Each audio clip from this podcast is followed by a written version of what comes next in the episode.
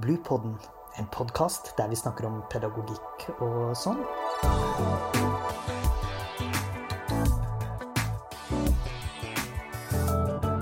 Podkasten er laget av barnehagelærerutdanninga ved Høgskolen på Vestlandet. I denne episoden så skal vi snakke om kampen om seksåringen og overgangen barnehage og skole. Og de som skal gjøre det, det er Dag Skram og Hilde Hofslundsengen. Og så er det jeg som heter Eivind Rogne. Vi jobber alle sammen ved barnehagelærerutdanninga ved Høgskolen på Vestlandet.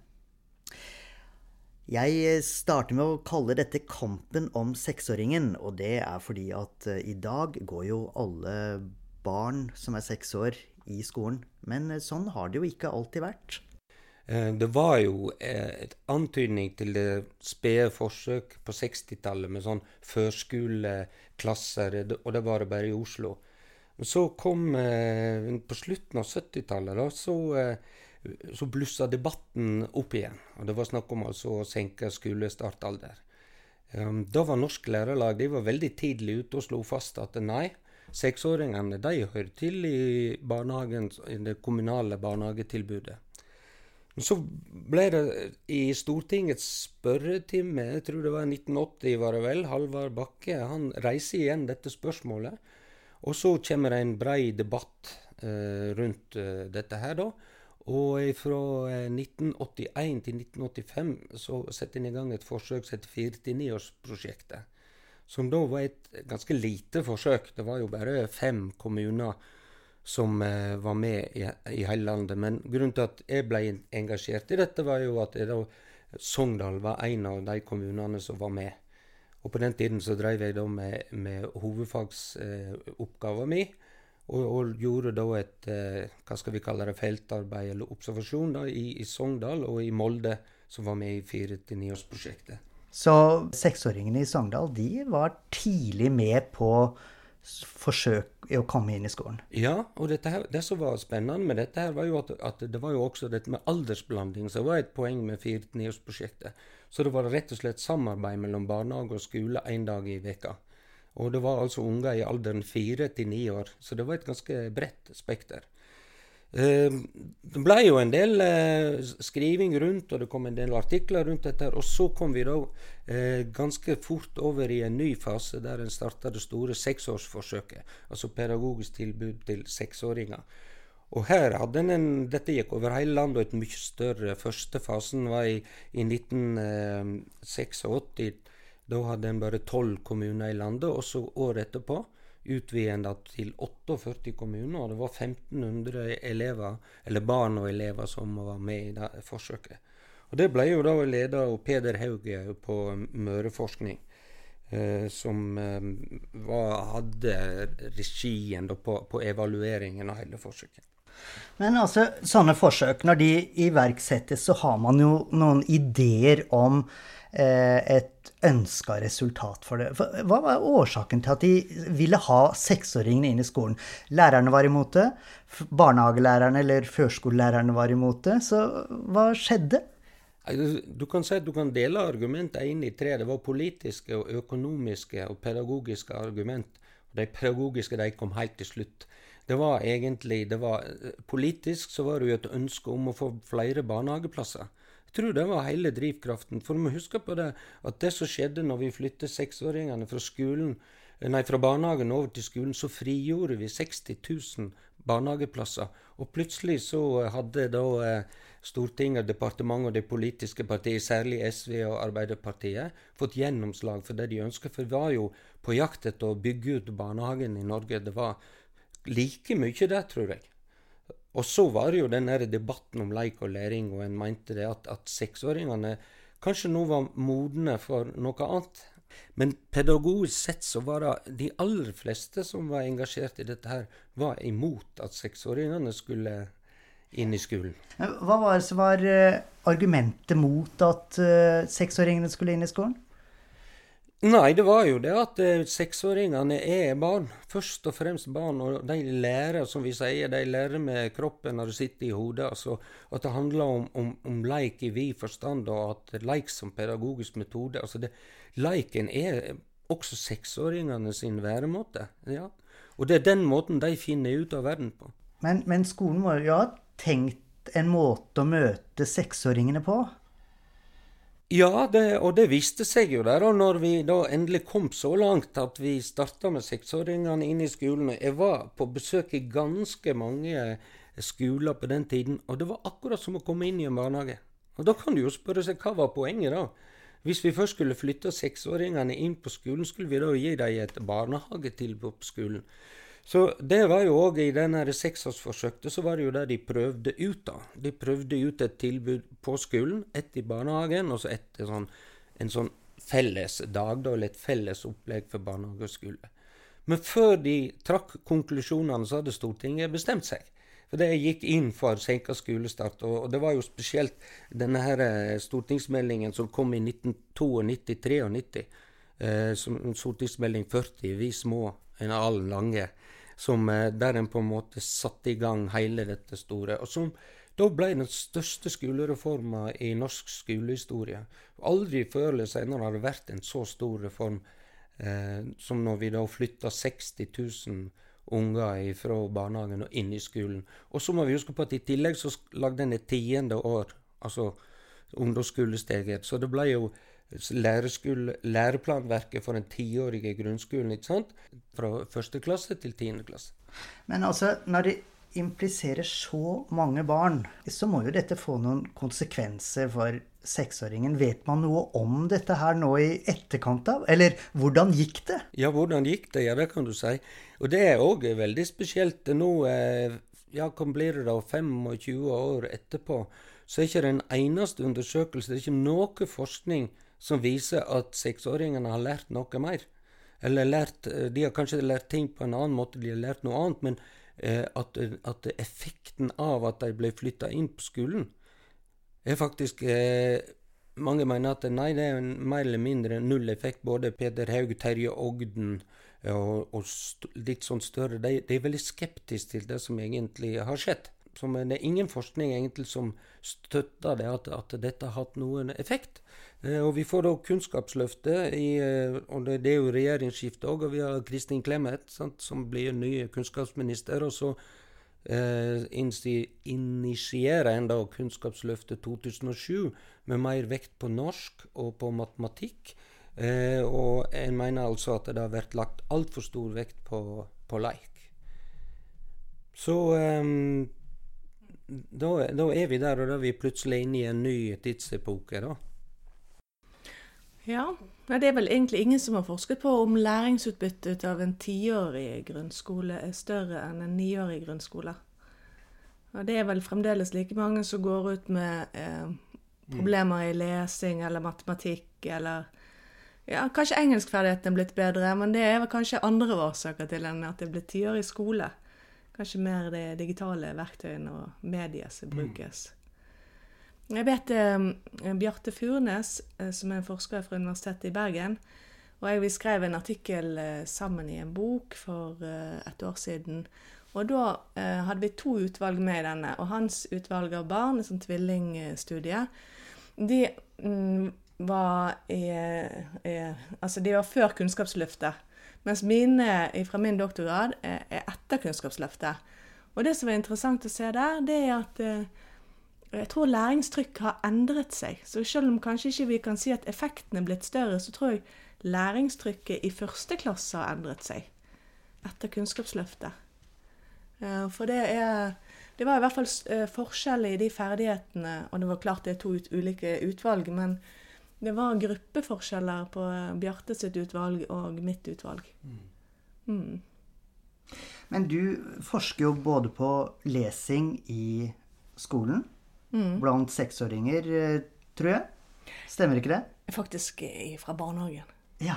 Eh, helt nede i femåringene. For det er faktisk en del eh, femåringer som liker å skrive. Skrive navnet sitt, skrive eh, mamma sitt navn og pappa sitt navn, og så er det faktisk noen som kan lese. Og når jeg har jobbet i barnehage, så husker jeg at jeg hadde en gutt, og han kunne lese flytende. Eh, og han hadde lært seg å lese gjennom å lese Donald-blader. Så han hadde faktisk tilegnet seg leseferdigheter sjøl. så det er ikke Altså, skriftspråkferdighetene starter lenge før skolen starter. For det er ikke systematisk leseopplæring eller skriveopplæring i barnehagen? Nei, det er det ikke. Nei. Der er det mer uh, uformelt. Um, og meningsfull kommunikasjon. Altså du skriver fordi at du skal formidle et budskap. Og det er viktig. Hvis du har laget en veldig fin tegning, og den skal være til pappa, så må du jo skrive til pappa og fra Ole. Sånn at alle vet hvem som skal få denne tegningen her. Og det er den type skriving som blir aktuell i barnehagen. For da er det det meningsfulle budskapet som skal formidles gjennom skrift. Ja, for, for du bruker det der begrepet lese og, og skrive forberedende eller forberedende aktiviteter, som det heter på nynorsk, og det kan jo være så mangt. Og vi ser jo at gjennom leiken, altså leik som blir snakk om leik som pedagogisk metode, men det er jo at når, når unger leker med tall og leker med bokstaver, ikke sant? og de kan springe stafett, og det er fram og tilbake, og de kaster bowling på flasker der det er nummerert med tall, og de driver på, så sklir jo dette her sakte, men sikkert inn. Og eh, han eh, finske hjerneforskeren, vet du, Matti Bergstrøm, han sier jo at man burde leke skolen mye lenger enn man gjør. For når, når barnet begynner i skolen, så, er, så tar alvoret til. Og det er akkurat dette der med, som Vygotsky sier òg, at i leik så blir barn ett hode høyere. Altså at eh, de mestrer så mye mer, og det blir ufarlig.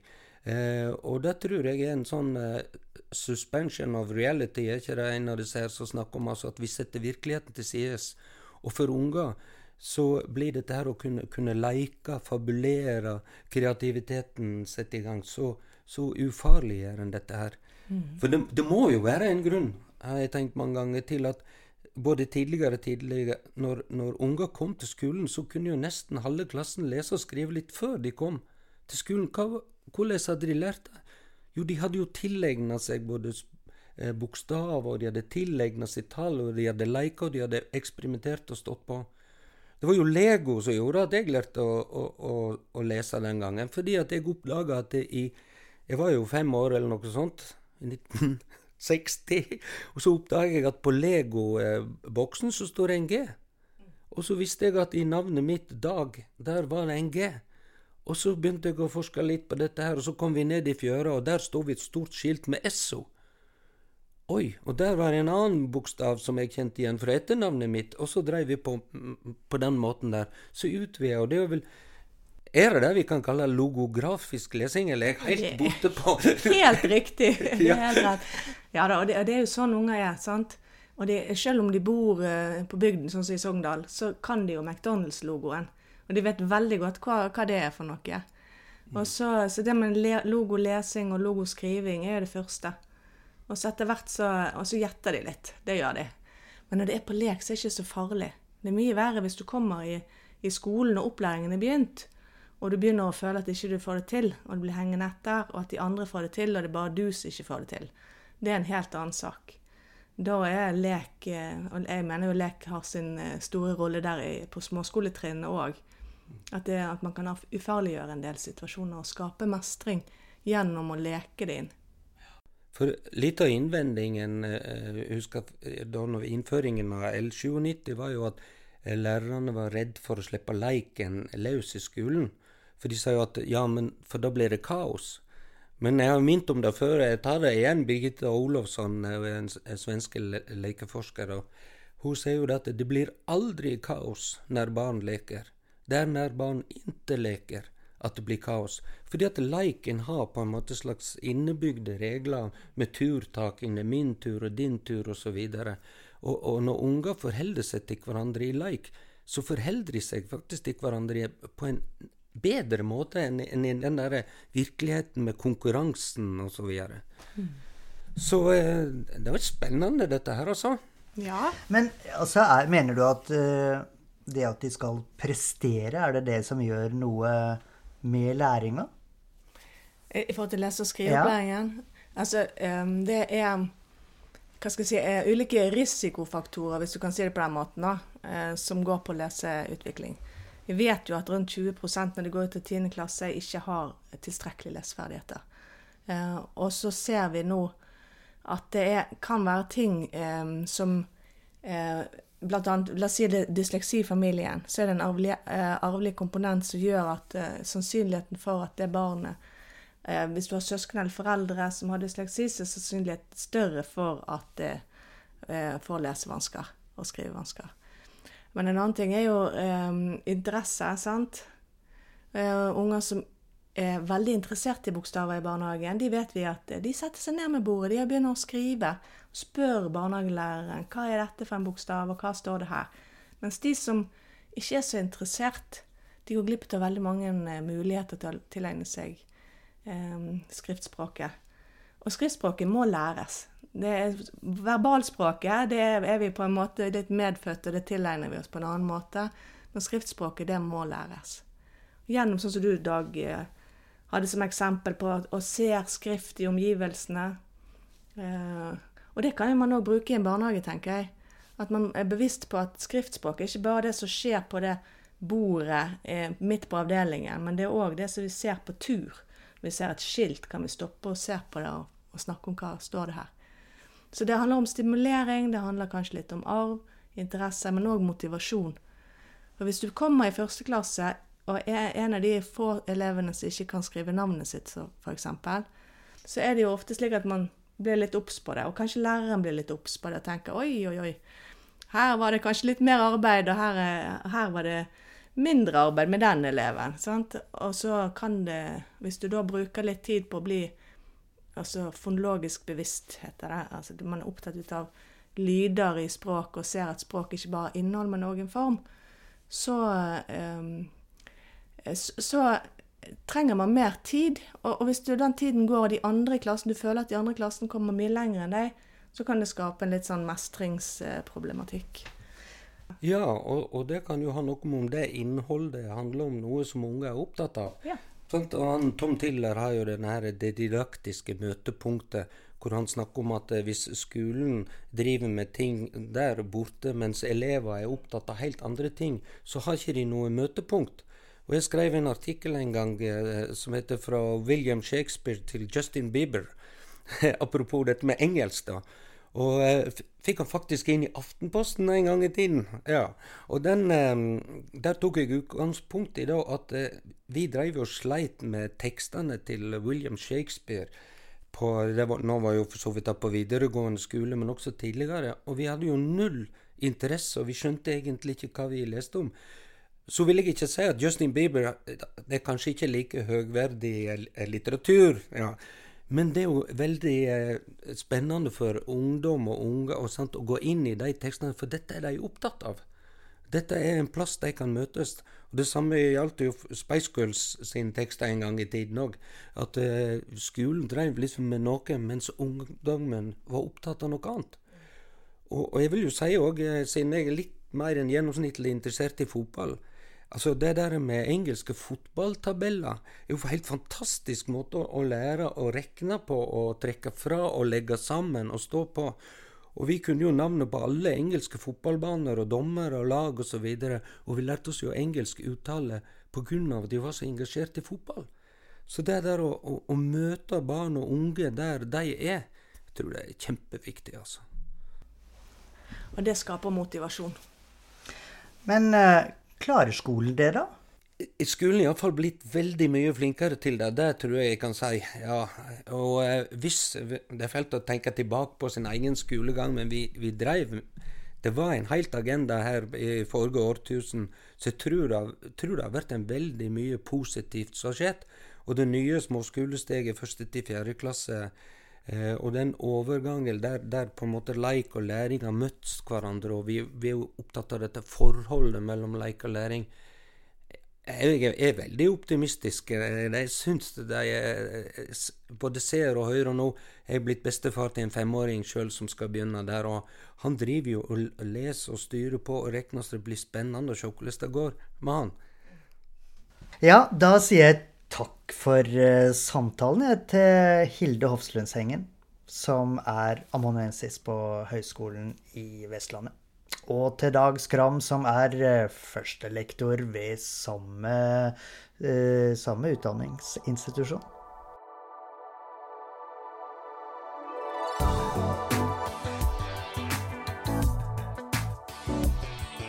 Podkasten er laget av barnehagelærerutdanninga ved Høgskolen på Vestlandet.